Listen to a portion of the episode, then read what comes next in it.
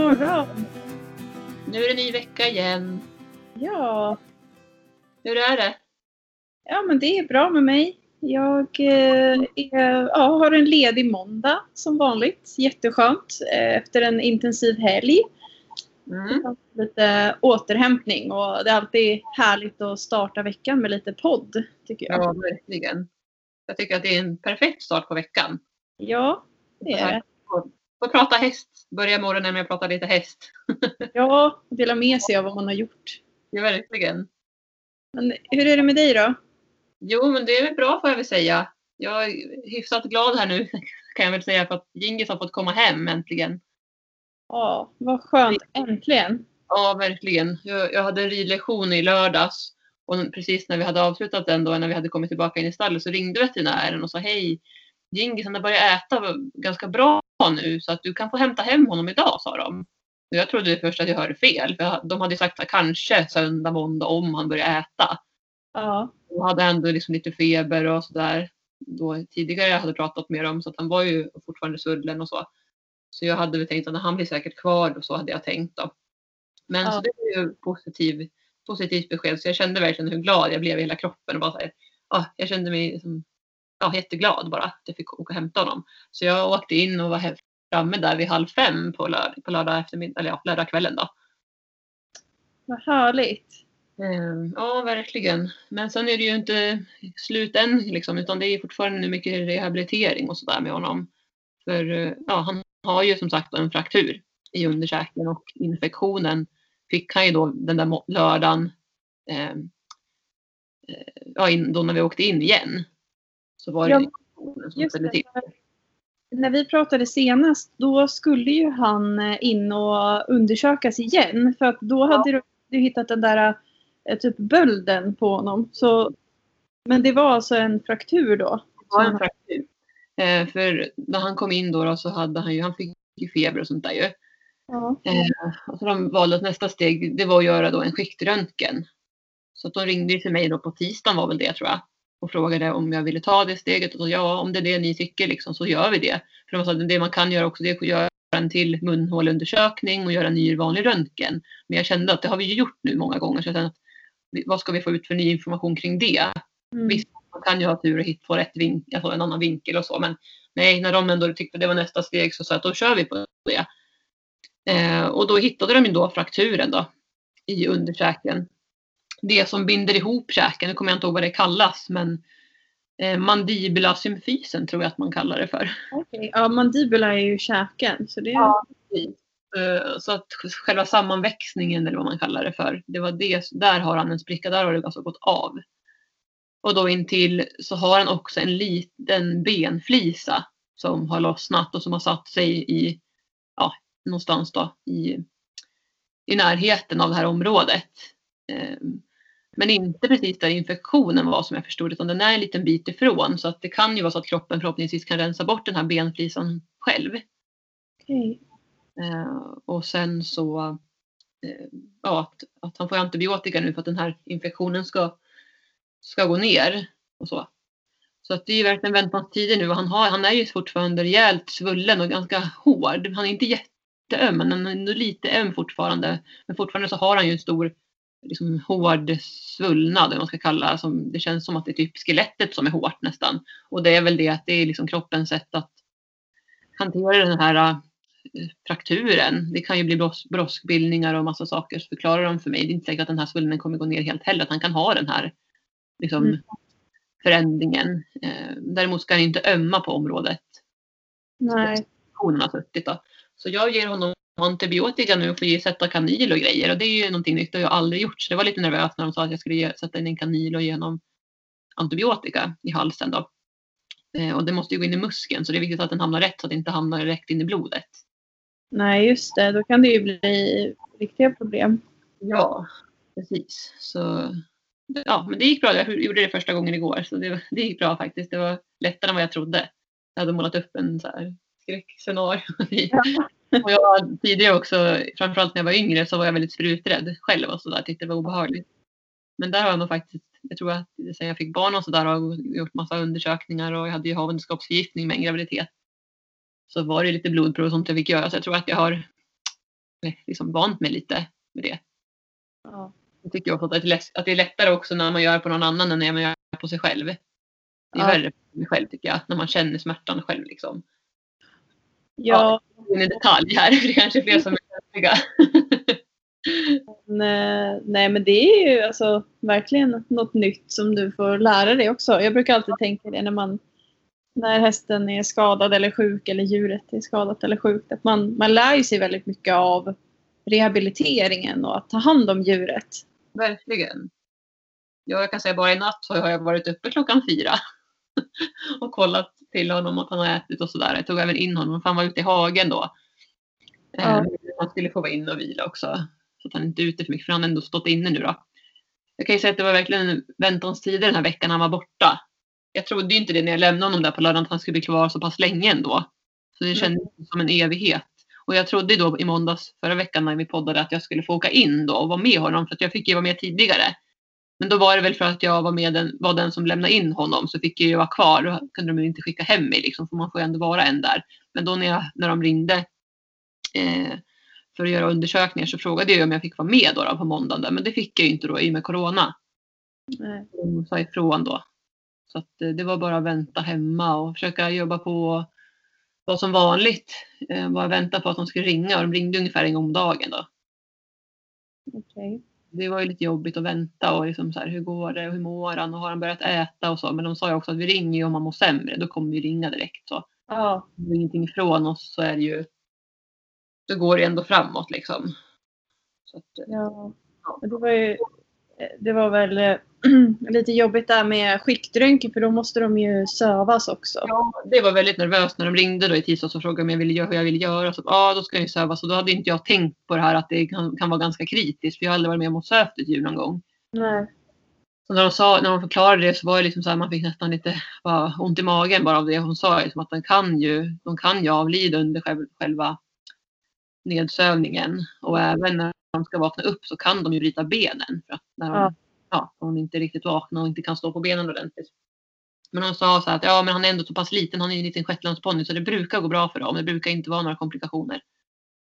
Men jag blev ju fortfarande jätteorolig och tänkte, åh gud, ska jag, liksom, är det rätt beslut? Tänk om det händer något. Men jag kände så här, jag har inte så mycket val. Jag måste ju för att hi- hitta felet på honom. Ja. Eh, och ja, med facit i hand, allting gick ju bra sen då. De ringde och sa att de hade vaknat upp bra och det, ja.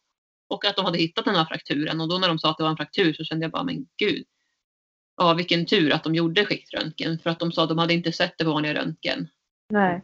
Ja, om de hade gjort det igen eller så. Så att det var en skiktröntgen som behövdes för att se det tydligen. Ja, vilken tur. Ja, för då kändes det som att jag, gjorde, att jag har gjort det jag kunnat för honom. Ja.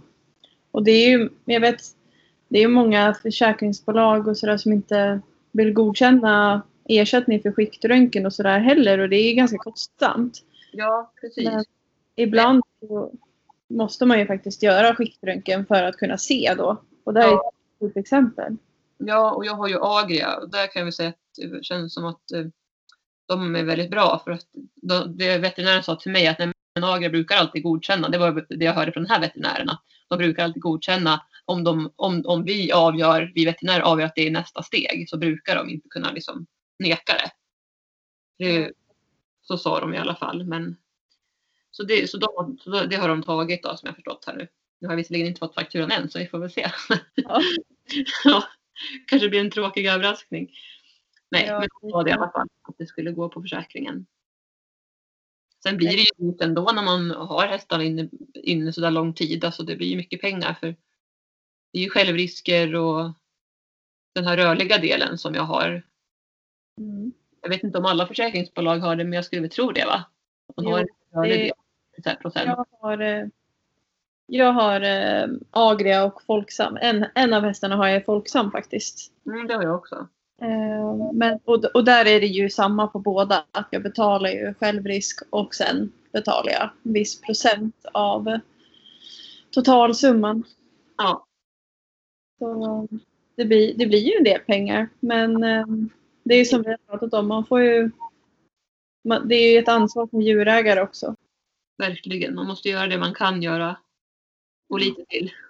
Ja, Det är ju så. Det är ju Ja. inte alltid kul att betala stora tunga veterinärräkningar. Men Nej, det. men det är ju fantastiskt vilken vård de ger. Alltså, jag tycker de är så proffsiga och verkligen.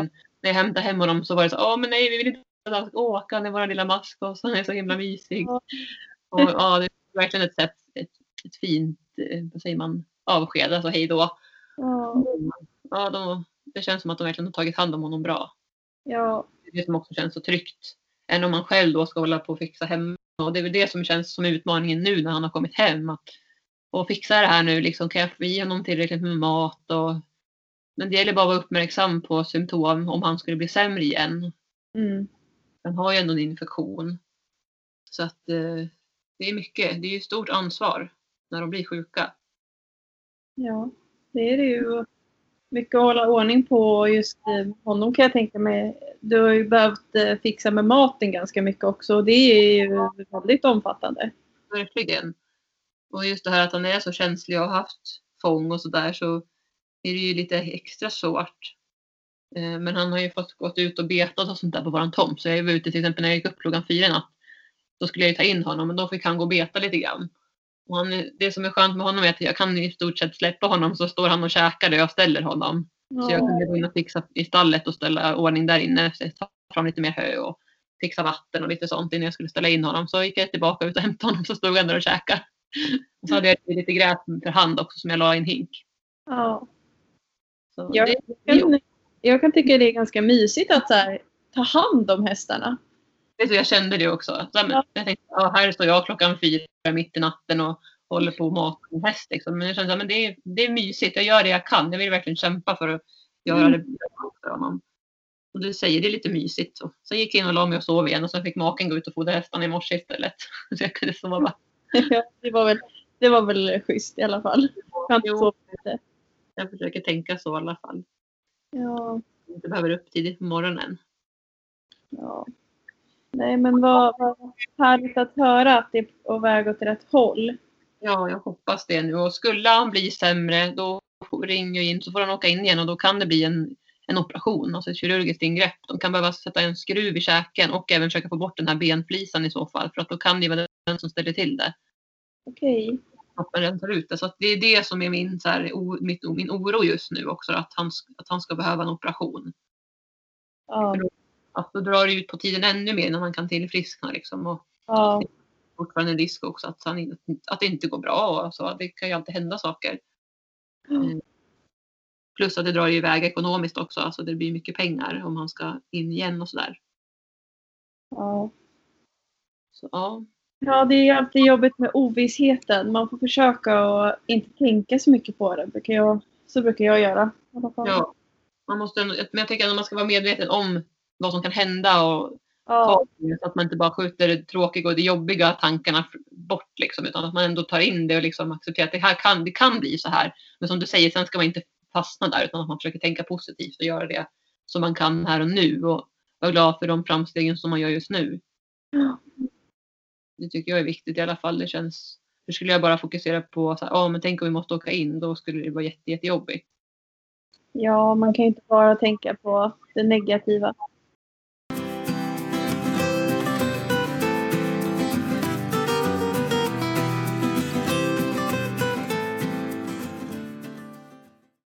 Ja, men hur har du haft det då? Du skulle ju på tävling. Ja, jag har varit iväg i helgen då. Eh, i, ja, I fredags var det ju fullt ös medvetslös med förberedelser. Ja, Eh, jag var ju med, delvis var jag med och eh, i klubben som arrangerar då. Så att jag hjälpte till lite med att packa i ordning priser och mm. eh, åka till tävlingsplatsen och där behövdes det väldigt mycket hjälp. Det visste vi inte om när vi kom dit men jag och de jag åkte dit med vi stannade kvar och hjälpte till och bygga upp tävlingsplatsen. Så jag tror att vi var där i typ två timmar. okej. I fredags alltså? Ja precis. Så att vi, vi hade då fixat lite hemma och förberett lite packning och sådär men vi var inte alls klara med hästarna på hemmaplan. Nej. Eh, Så vi åkte iväg en sväng till tävlingsplatsen och det var tur för där behövdes det liksom hjälp med att sätta upp veterinärbesiktningsområdet och sånt där bland annat. Mm. Så vi fixade med det och sen tror jag att vi kom tillbaka hem till stallet någon gång vid halv sex eller något sånt och då så gjorde vi i ordning boxarna för hästarna skulle ju få stå inne då natten innan tävlingen. Mm. Så vi fodrade och fixade in i stallet och så tog vi in hästarna och sen var det ju dags att borsta och, och fixa i ordning dem och så packa det sista. Ja. Så ja, jag tror vi blev klara någon gång vid åtta, halv nio på kvällen kanske. Du skrev till mig där tror jag på kvällen. Ja, det var... Ja. Ja. Så då äntligen fick vi gå in och äta lite middag. Eh, så tyvärr hade vi en massa matrester så vi körde lite så här buffé med matrester som vi kunde bara värma på och äta. Mm, vad bra. Då är man ju Ja. tacksam för de här matlådorna som man har sparat. Verkligen. Ja. Eh, Men sen så gick vi väl och la oss ganska tidigt faktiskt. Mm. Och, um, eh, på tävlingsdagen så var man ju väldigt utvilad. Eh, Bra. och jag, jag är ju van vid att eh, jag behöver gå upp så här vid halv fyra på morgonen eller på natten, vad man nu ska Ja. kalla det för. För när man rider 16 mil så behöver man ju gå upp väldigt tidigt för att man startar tidigt och man kanske ska transportera sig en bit och sådär. Ja. Men eh, nu skulle jag ju rida Clear Round som det heter. och det är eh, i princip som en kvalritt. Mm. Det är ett eh, måste för nya ryttare. Då behöver man göra två stycken godkända Clear Round för att sen få gå vidare upp till tävling 50 kilometer. Okej. Men eh, de, ja, de två ryttarna som jag skulle rida tillsammans med, de var helt gröna. Så det var deras första distansupplevelse någonsin som ryttare. Eh, och eh, sen hade jag även Nicole och Emma då som skulle rida tävlingsklassen 5 mil med schaman och toppis, topover, travare. Mm. Så de två gick upp tidigare och åkte iväg med de hästarna innan oss. För nu i och med Corona så får man ju bara, alltså då får man vara på tävlingsplatsen 30 minuter innan besiktningen, alltså veterinärbesiktningen börjar för den klassen man ska vara med i. Mhm. Vilket innebär, eh, alltså det betydde att eh, Toppis och Schaman, de eh, kunde vara på tävlingsplatsen mycket tidigare än oss andra. Ah, okej. Och det var ju lite logistik där och att de fick köra iväg med två hästar tidigare och sen lite senare så fick vi anlända till tävlingsplatsen och då hade redan Toppis och Schaman besiktats. Mhm. Ehm, och det kan ju bli lite rörigt då när det kommer kompishästar så att de kan gnägga efter varandra och Mm. pulsen går upp och sådär. Så att Ja. vi försökte att hålla oss lite borta från varandra så att inte det skulle påverka någon, någon av hästarna. Ja, gick det bra då? då liksom? Ja, vi kom ju fram eh, ungefär en halvtimme innan de andra två skulle starta sin första slinga. Ja. Och eh, då när de startade sen klockan 10, då hade vi tillträde till veterinärbesiktningen. Så eh, vi gick ju runt lite med hästarna då. Det var ju Orys, Bullen, mitt fullblod och eh, Gamgee som skulle gå clear round-klassen då. Mm. Jag hade ju varit väldigt eh, alltså, osäker på hur det skulle gå med Oris. För han har ju sina problem med sina nerver. Eh, han har ju sin stresspuls. Mm. Och han har aldrig varit på en tävlingsplats förut. Nej. Och på den här tävlingsplatsen så var det ju över 40 hästar när vi kom. Och det är ju ganska mycket. Det är ju rörigt liksom. Ja, det är det. Eh, Så att vi, alltså de skötte sig jättebra i transporten på vägen dit. Jag har ju trailerkamera då så jag stod, satt och tittade och de käkade och sådär. Men sen när vi kom närmare tävlingsplatsen och de hörde hästarna. Då såg man liksom hur de bara stod och tittade. Så Mm. jag och Annik som satt i min bil. eh, Vi tittade på kameran och hon bara, men den har ju frusit fast. Jag bara, nej det har den inte gjort. De står sådär stilla och bara tittade liksom. "Åh, vad är det för Någonting som låter. Ja. Eh, men i alla fall så lastade vi av dem och då var det ju liksom Gambri och Bullen, de bryr sig inte om så mycket. De är väldigt ego, egocentriska i många avseenden och det är bra. Det är en bra egenskap för en tävlingshäst. Ja. De var så här, åh det fanns mat, det var ju bra, då kan jag stå här och äta. Ja. Eh, Medan Orys han hade inte jättemycket matro och han ville liksom gå och titta på hästarna och han var ganska så här, han, han kunde inte stå still. Han ville Nej. röra på sig. Så jag fick gå runt med honom och sen så startade ju som sagt de andra klockan 10. Och då blev de ju, speciellt Oris tyckte jag att det var väldigt så här, spännande när det var, ja, jag tror det var 27 hästar som typ travade eller galopperade iväg Mm. var det mycket att titta på liksom. Så eh, ja, så då var det ju bara kanske 15 hästar kvar på tävlingsplatsen. Mm. Det var lite lugnare i alla fall. Eh, Men eh, ja, då skulle vi börja röra oss på veterinärbesiktningen och det var ju, alltså mitt mål var ju att ta mig igenom den första besiktningen. Mm. Eh, För jag var rädd att Ori skulle ha för hög puls. Ja, jag pratade om det i förra avsnittet tror jag. Ja. Att jag hade tränat på det också tidigare. Exakt. Vi, vi har ju försökt att träna hemma och se liksom vad, finns det något jag kan göra för att få hans puls att gå ner om han blir uppe i varv.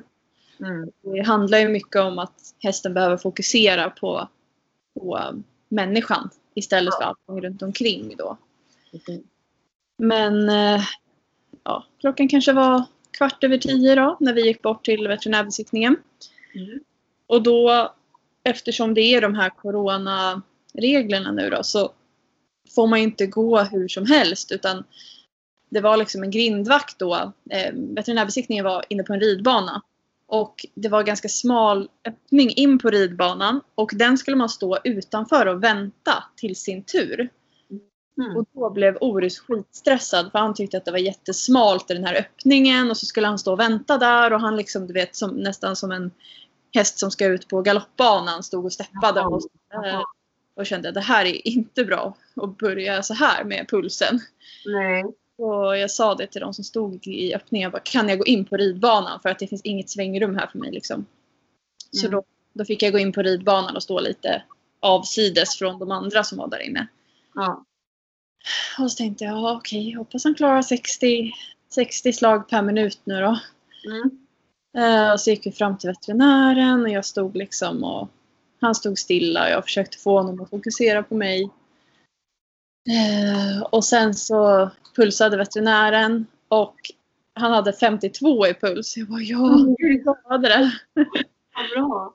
Ja, det var jättehärligt. Så han fick, eh, han fick starta. Vi fick trava upp då också. Och så hade de ju gått igenom allt annat. Men det var jag inte nervös för. Eh, jag kände att alltså, det är just, funkar pulsen, då är jag nöjd. Ja. det var det. Men då fick vi trava upp och han travar ju helt fantastiskt. Liksom, han flyger ju fram. Så, Mm. så det fick jag beröm, eh, beröm för av veterinären också. Att han tyckte han var otroligt fin. Eh, Och sen var ju nästa steg då att vi skulle starta. Och det kan ju också vara lite så här spänt. För det var ju många hästar som ska iväg och de, de flesta vet vad som väntar och så blir de lite taggade. Mm. Så eh, jag tänkte ju att vi skulle vänta någon minut till starten hade gått och eh, då kanske de andra hade ridit iväg så att vi hamnade i en egen klunga. Bara vi, vi tre och sen en till tjej som skulle rida med oss. Mm. Men eh, det var fler som tänkte så. Ja. Ja. Så eh, det blev liksom lite halvrörigt där att vi hamnade precis bakom några andra och då Orus och Gamri var jättetaggade och Mm. tog i tyglarna liksom och var, ville verkligen framåt. Och ja, det, det var lite, lite så här jobbigt i början kan jag säga. Ja, jag. Men jag kände ändå mm, att Oris var väldigt duktig. Han kunde hålla sig i skinnet. Mm. Tidigare, alltså om han blir för spänd så har det kunnat resultera i att han bockar förut. Men eh, det gjorde han inte. Utan han var liksom taggad så som en tävlingshäst kan bli. Ja. Det måste man ändå säga, det är helt okej. Jag tänker att Ja. det kanske någonstans är lite bra också, eller? Ja, men alltså de tyckte att det var roligt och Ja. det var ju första gången som Oris i alla fall var med om något sånt här. Och, då är det helt naturligt att de blir taggade om de förstår vad som liksom väntar dem. Ja, alltså jag kan bara tänka hur mina hästar skulle vara. De kan ju bli taggade bara man rider ut någon, någon, någon, någon mer tillsammans som de inte kanske rider, brukar rida med någon annars så ofta. Då blir Mm. de alltid taggade om man ska ta en galopp eller vad som helst. Liksom. Så Ja. att jag kan verkligen förstå det. Att de, när det är många hästar så där också samtidigt som startar. Och de har ändå sett de andra innan som startade och sprang iväg. Ja, exakt. Och så ser de liksom någon eh, lite längre fram ser de att det springer hästar och så vill de komma ikapp dem. Ja, så hör ju hästarna så himla bra. Så även om vi kan tycka att nu ser man dem inte, man kanske inte hör dem, så hör ju hästarna liksom bra mycket mer än vad vi gör. Ja. Men eh, ja, vi, vi red då första slingan tre mil. Och jag var inte nervös för själva ridningen. Eh, utan det tänkte jag, det är, när jag väl får jag starta då kommer jag tänka att vi är ute på en vanlig långritt. Ja. Och ridningen gick jättebra. Jag var supernöjd. Så kommer vi in till, tillbaka till tävlingsområdet. Mm. Och då hade ju tävlingsklassen startade ju en timme innan oss. Och de rider ju också mycket snabbare än vad vi gör. För vi, alltså vi höll ju långsamt tempo eftersom det var en kvalritt. Mm. Så när vi kommer in ifrån första slingan och ska börja pulsa ner. Då är det upploppsspurt för tävlingsklassen. Mhm. Och då blev ju Orus liksom Det var dundrade ner till galopp och han bara Läskigt. Ja. Så eh, han gick ju liksom från typ 60 i puls till 130. Oj. Eh, och jag bara, ah, vilken bra timing Och jag visste ju att det kommer ju komma flera ekipage också. För det var tre som spurtade. Och så visste jag, okej nu är de andra på gång. Och jag vet att Nicole och Emma låg fyra och femma förut. Så att snart kommer ju deras kompisar här också. Och då kanske de blir stressade för det. Mm. Så vi kylde hästarna. Och eh, Gamgee och Bullen de gick ner i puls rätt snabbt. Och sen så fort jag märkte att Oris var nere under 60 så sa jag okej, nu skyndar vi oss in till veterinären. Så det blev lite jäktigt. Eh, men vi gick in och Oris hade 60 i puls, de andra hade lägre. Eh, men han klarade i alla fall gränsen så att alla tre fick fortsätta. Och eh, när vi då hade blivit färdiga med det, då kom faktiskt Shaman och Toppis som hade ridit klart fem mil tävling. Mm. Och de slutade på fjärde och femte plats i klassen. Så att de fick ju rosetter också. Ja, kul. Grattis. Jätteroligt. Eh, och de var superduktiga och superfina. Och det var ju Poppis första tävling på tre år. Ja, Det var ju verkligen superbra av honom. verkligen. Ja, och vi hade då två mil kvar. Det gick ju så långsamt. Jag är inte jättevan vid att rida såna här långsamma ritter. så min eh, Annik som eh, var en av dem jag red med, hon sa du är den som klagar mest av oss här. du ska vara mest erfaren. Ja. Ja. Men jag Det kanske var var lite otålig då, tänker jag. Du är erfaren och sådär. Och så du är van då att rida lite snabbare. Men hur, vad långsamt? Hur kan man säga? För oss som inte rider distans och har vad är liksom, hur kan man jämföra? Vi siktade på att rida i genomsnitt 9 kilometer i timmen på fem Ja. mil. Ja. Eh, Jag tror att vi fick rida som långsammast 8 kilometer i timmen. Och som snabbast var det typ 13 eller 14 kilometer i timmen kanske. 13 skulle jag gissa på. Och Men vad så, brukar det vara om det eh, när man tävlar, om man verkligen tävlar för att vinna, då kanske man rider snarare på från 15 kilometer i timmen upp till 18 kilometer i timmen i alla fall. mm. Så det är ganska stor skillnad i tempo. Ja. Eh, Men vi red de sista två milen och då um, kom vi i mål på 5 timmar och 14 sekunder. Och det blev eh, 9,99 kilometer i timmen. Så att det var till och med lite snabbare än vad jag hade tänkt. Och det var jättebra. Det var ju bra. Alla tre hästarna blev godkända.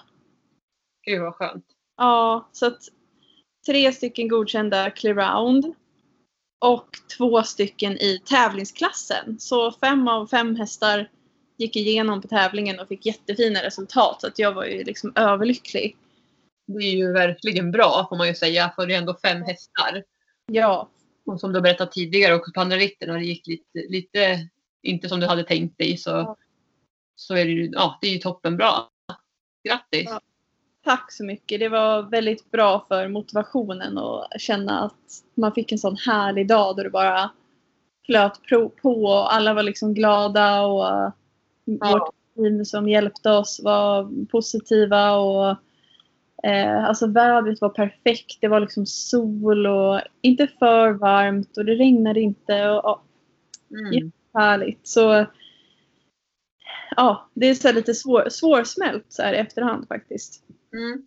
För det, jag hade verkligen, för två månader sedan, hade jag inte, alltså, inte en tanke på att jag skulle starta Oris på en distansritt. Utan jag har ju räknat bort honom som distanstävlingshäst.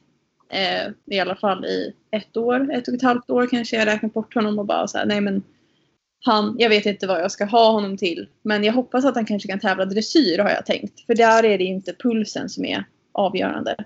Nej. Men eh, sen så slog jag i alla fall tanken mig att ja, men jag kanske ska prova i alla fall. För att tävlingen är på nära håll. Och Ja. om jag är uteslutna kan jag åka hem och sen komma tillbaka och ändå vara med och hjälpa till med de andra hästarna. Just det. Har varit men... det att ta steget ändå då, liksom med Orus så. Alltså, jag har känt, jag har känt senaste tiden att han har ändrats väldigt mycket. Och han har faktiskt mognat jättemycket. Mm. Sen så var det ju liksom en chansning och jag visste ju inte hur det skulle gå. Det hade ju kunnat inte gå så bra också om han inte hade kunnat hantera det. Men han var verkligen modig och, och duktig på att kunna hantera när han blev stressad eller uppe i varv så kunde han ändå hålla sig i skinnet. Mm. Eh, och vi har, mycket. Du har tränat mycket hemma och sånt där också ju. Ja, det har varit flera stycken pay and ride här hemma och han har varit med på några av dem. Ja. Eh, Men jag ju säga att eh, det var i februari 2019. Det var sista gången jag red honom det året. Jag slutade rida honom februari 20, 2019. Mm.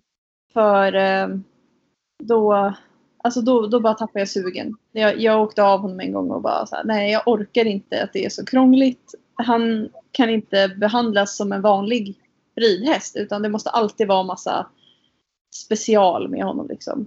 Mm. Och jag bara, nej men jag orkar inte det. Så jag slutade rida. Och red inte förrän, jag tror det var typ februari eller mars i år, alltså 2020.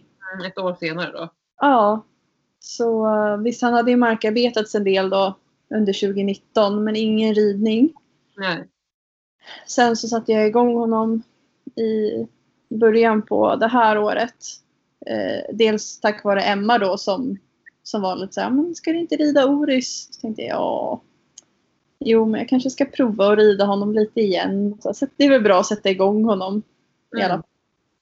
Så då började jag med det och sen tror jag att det var först typ i maj i år som vi red ut på honom igen. Mm. Och där, alltså det har ju gått så snabbt därifrån. Ja. Ibland så kan det ju vara det också att de behöver bara mogna på sig lite grann. Ja, Jag märker ju med Abbe också liksom. Jag red ju honom sex dagar efter han kom. Nu har han ju varit här i två månader. Men jag har ju inte ridit kanske på tre veckor nu. nej. Han behöver landa lite mer. Just för att han, har mest, han, så han sköter sig jättebra i ridningen. Så det är snarare tvärtom att han är mer orolig och hoppar lätt till för saker när, han, när man leder honom så här och tränar honom från marken. Men jag känner att fortfarande det är någon, han behöver det. Alltså han behöver ändå liksom landa lite mera. Ja. Det inte bara blir fokus på rida, rida, rida utan det är så mycket mer som ska på plats innan. Det är egentligen det sista kan jag, kan, jag känna i alla fall med honom. Mm. För mig är det viktigast att han är grundtrygg och lugn och känner sig bekväm i den miljön han ska vara. Och sen är det också vårt mål att kunna komma ut, åka iväg och åka hem till dig och träna lite, ut och rida i skog och mark och åka iväg på träningar på andra ställen och så vidare. Det är målet, men det får ju bli på sikt. Och sen ska jag också kunna vara med i verksamheten så att elever ska kunna rida honom. Ja. Jag har sagt så här nu att ja, möjligtvis till nästa sommar att det kanske kan vara möjligt. Mm. Men eh, det är inte säkert. Vi får ju se lite hur Ja. framtiden går här nu. Ja. och jag har ju pratat en del om Oris i podden också. Att han, han är ju väldigt speciell och känslig. Ja, Abbe också är. Och, och jag kan båda två där. Ja, och den, det som jag egentligen har gjort med Oris nu det är väl att jag har alltså, tränat på copingstrategier precis som vi människor också kan göra. Att man, man, lär, man hittar sätt att hantera stressfyllda situationer eller ångestladdade situationer. Alltså man, man vet hur man ska hantera dem. Mm. Och det, med hästar så, alltså man kan ju inte ändra deras personlighet helt. Det Nej. går inte ändra om dem så. Den här känsligheten kommer de ju alltid ha. Ja. Och ehm, med Orus då, han har ju lärt sig att eh, snabbare kunna växla från uppe i varv till okej, det är okej, jag kan slappna av. Mm. Tidigare stannade han i den här uppe i varv eh, jättelänge. Han kunde, jag kommer ihåg en gång, då så fick han olyckligtvis en stöt när han gick ut från hagen. Och det Mhm. var absolut inte, alltså det var, det var verkligen bara olyckshändelse. Ja, Och för honom blev ju det liksom, alltså han var ju så uppe i varv. Man såg liksom hur pulsen slog och man tittade på halsen eh, vid boken ungefär så såg man bara dunk, dunk, dunk, dunk, dunk, dunk. Och det är en bit att gå ifrån hagen in till stallet. mm. Och när han stod i stallet hade han fortfarande, alltså det var typ 150 i puls eller något sånt. Och bara så spärrade ögon och bara stod och tittade liksom. Mm. Eh, och nu när det var upploppsspurten och han hade 130 i puls på tävlingen. Eh, på ungefär, jag tror det tog sex och en halv minut från att vi kom in till att vi gick in till veterinären och hade 60 i puls. ja. På den tiden hade han liksom hunnit då koppla av och gå från 130 till 60. Mm. Då är det ju jättebra. Ja, för honom var det liksom Ja. riktigt bra. ja. Eh, Och ja, kanske kommer han en dag vara helt och hållet som en vanlig häst när han blir äldre. Han är sju år nu, så att han Mm. har, är inte jättegammal.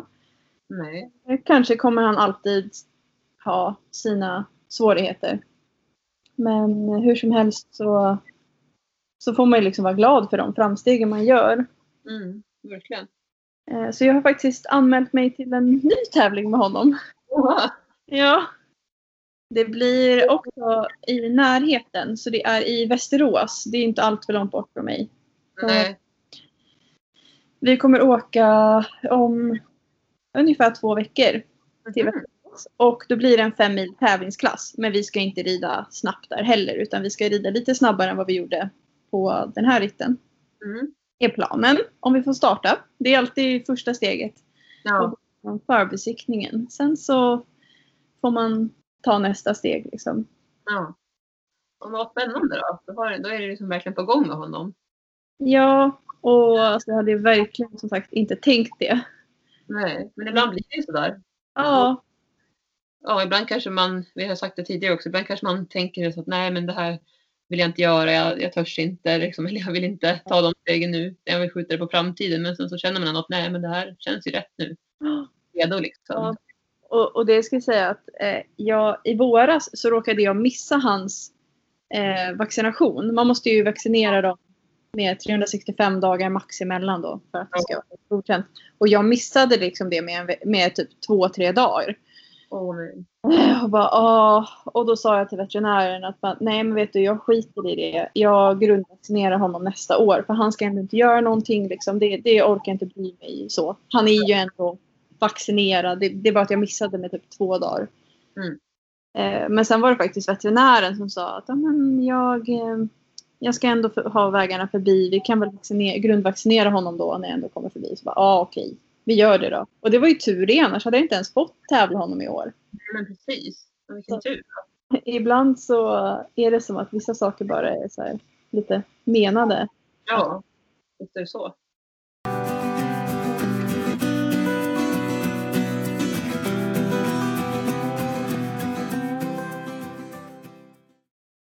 Ja, Ja. vad trevligt att det gick så bra. Ja men verkligen. Det, det var en, en toppen dag. Helt perfekt. Det, det är det som gör att man får en här ny energi och blir taggad och Ja, det som får dig att vilja fortsätta. jo men det är så. Alltså motgångar är alltid tufft. Och jag känner ofta liksom när det har gått riktigt dåligt att bara åh, ska jag verkligen hålla på med det här? Men det är Mm. väl att man håller på med sport. Så är det ju. Och det- som jag sa också nu men när Gingis har varit dålig och så här. Att man känner så här, ja, ska man verkligen ha djur liksom? Det är så jobbigt när, det, när de blir dåliga och det inte går som man vill att det ska gå. Men det är ju då man, man kämpar igenom det och inte ger upp. Mm. Det är liksom, det är värt det.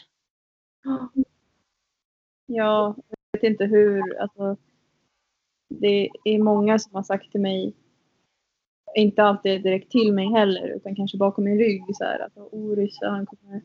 Jag har sett många knepiga hästar i, mitt, i mitt, eh, eh, mitt hästliv, men eh, Oris, han kommer aldrig någonsin att kunna rida som en vanlig häst och han kommer aldrig kunna tävla och han kommer aldrig det här och bla bla bla. Ja, man blir så ledsen när man hör det där för att det är, det är ju inte sant. Alltså det handlar om att hästen får rätt träning. Rätt förutsättningar för att faktiskt lyckas. Alltså, jag säger så här, det finns inga hästar som, in, som man inte kan få bra. Nej. Och jag, har, alltså jag har ju alltid haft samma inställning där som du säger. Ja. Men där för, eh, ja, i början på förra året, då kände jag bara nej. Ja, så, nej, det kanske inte går med honom då. Jag vet inte vad det är. Han kanske är knäpp. Men jag tror ju inte att... Alltså hästar gör ju alltid saker av en anledning. Ja, de är ju ärliga. Det Så-. Det var bara att jag hade inte blivit klok på exakt varför han kunde börja bocka och, och liksom fastna i trans och bara bocka av ryttaren och sen fortsätta bocka. Jag visste inte varför och jag vet inte varför fortfarande. Men nu har jag liksom varit med om att han kanske har bockat ett språng för att han har blivit rädd för någonting och sen slutat bocka. Och det är ju en enorm skillnad mot förut. Mm. Jag tänker att också det kan vara unghästnerver, alltså lite omogenhet och att de, alltså det är ändå en häst liksom. Vi får inte glömma bort att de är inte som vi människor. Det är en helt annan varelse. Ja. Och tänker helt annorlunda än vad vi gör. Ja. Och de är flyktdjur, de är bytesdjur och så vidare. ja. Så det är mycket, mycket som spelar in. Men jag tror att ibland så är det bra att bara låta hästen liksom få vara häst ibland. Mm. för mycket krav. Eh, Att de känner att de har en omgivning där de kan vara trygg. Men självklart utmanande också. Jag menar, som, det, som Abbe nu som har fått börja gå i hage och han har inte gått i hage sedan han var tre och ett halvt. Nej. Det är ju, alltså han kan ju tycka att det är läskigt bara det kommer en hare och springer genom hagen på andra sidan eller en katt kommer och går. Fast, och så är det våran katt som han har sett, förr. Ja. Menar, nu börjar han ju acceptera allting runt omkring och han börjar känna sig trygg i sin hage. Sen kan han ju fortfarande hoppa till för saker ibland ändå men jag märker ju att det är liksom unghästbeteende. Ja. Jag är rätt säker på att det kommer försvinna. När han är trygg, är trygg med allt runt omkring och när han har växt på, växt på sig lite med åldern. Mm. Sen kommer han alltid vara känslig och lyhörd för hjälper och sånt. Det går inte liksom att... Ja, jag vet att jag har sagt det tidigare också med Gingis och han till exempel är helt olika där. Gingis kan man ju behöva gå på till exempel om man ska få honom att... Eh, ska vi ta som ett exempel? Om man ska få honom att backa säger vi. Mm. Då, kan jag bara höja handen till Al- Alborotto. Då backar ju han. Mm. Medan som Gingis då kanske jag till och med behöver höja handen och veva med grimskaftet ett tag för att han ska backa. Ibland kan jag till och med bara liksom peka lite lätt eller säga backa så har jag förstått det också att det betyder backa. Ja. Jag brukar skoja till mig att ja men vad roligt att de har lärt sig svenska nu. Liksom. Ja. Ja. Ja. Nej men man, ja. Det gäller ibland bara att eh, komma förbi de här tvivlen som man har. Och eh, Ja. Olof har ju motbevisat mig också för att Mm. tappade hoppet ett tag. Ja, men ska du berätta vad vi gjorde för spännande i fredags då? Här innan du skulle åka iväg till tävlingsplatsen så var jag Ja. hemma hos dig. Just det. Det får inte glömma att berätta. Nej. Det var en superhärlig dag. Vi hade ju fotografering. Vi hade en fotograf hemma hos dig som, som hjälpte till och tog massa fina foton. Ja. Det blev ju, alltså, jag sitter ju, eh, satt här innan vi eh, började podda så satt jag och tittade på bilderna. Jag har dem faktiskt framför mig nu också och titta och det är ju fantastiska bilder som vi kommer kunna använda i sociala medier. Ja, och du har ju lagt ut faktiskt. Du la ut här i, var det igår kväll? I morse? Ja. Mm. Så eh, det är kul. Ni får lite bättre inblick i eh, hästarna. Vi ser lite både fina bilder och lite så här eh, eh, busiga bilder. Det var väldigt kul och vi hade ju jättetur med vädret. Det var ju sol och fint väder. Det hade ju kunnat vara tvärtom liksom. Alltså det var ju en helt fantastiskt fin dag. Och just att det börjar bli lite fina färger nu också utomhus. På, på träden och så. Att det börjar bli lite oli- olika färger. Ja. Ja, det var härligt. Det får ni hålla koll på våra kanaler. Mm. Och sen kan jag väl säga också, för det var någon tag som vi sa det, att kom gärna in med fler önskemål och tips på vad ni vill höra mer av i podden. Ja, jättegärna. Vill att vi tar upp eller berättar mer om eller ja, vad ni vill höra. Ja, det kan ju vara ett specifikt ämne eller om eh, en specifik häst som vi har. Eller Mm. vad som helst egentligen. Precis. Men då önskar vi väl alla en eh, fin vecka och en trevlig helg då. När det här avsnittet släpps så är det ju faktiskt fredag. Ja. Vi får ha det så jättebra allihopa. Ha det så bra. Stor kram. Kram, kram. Hej då! Hej då.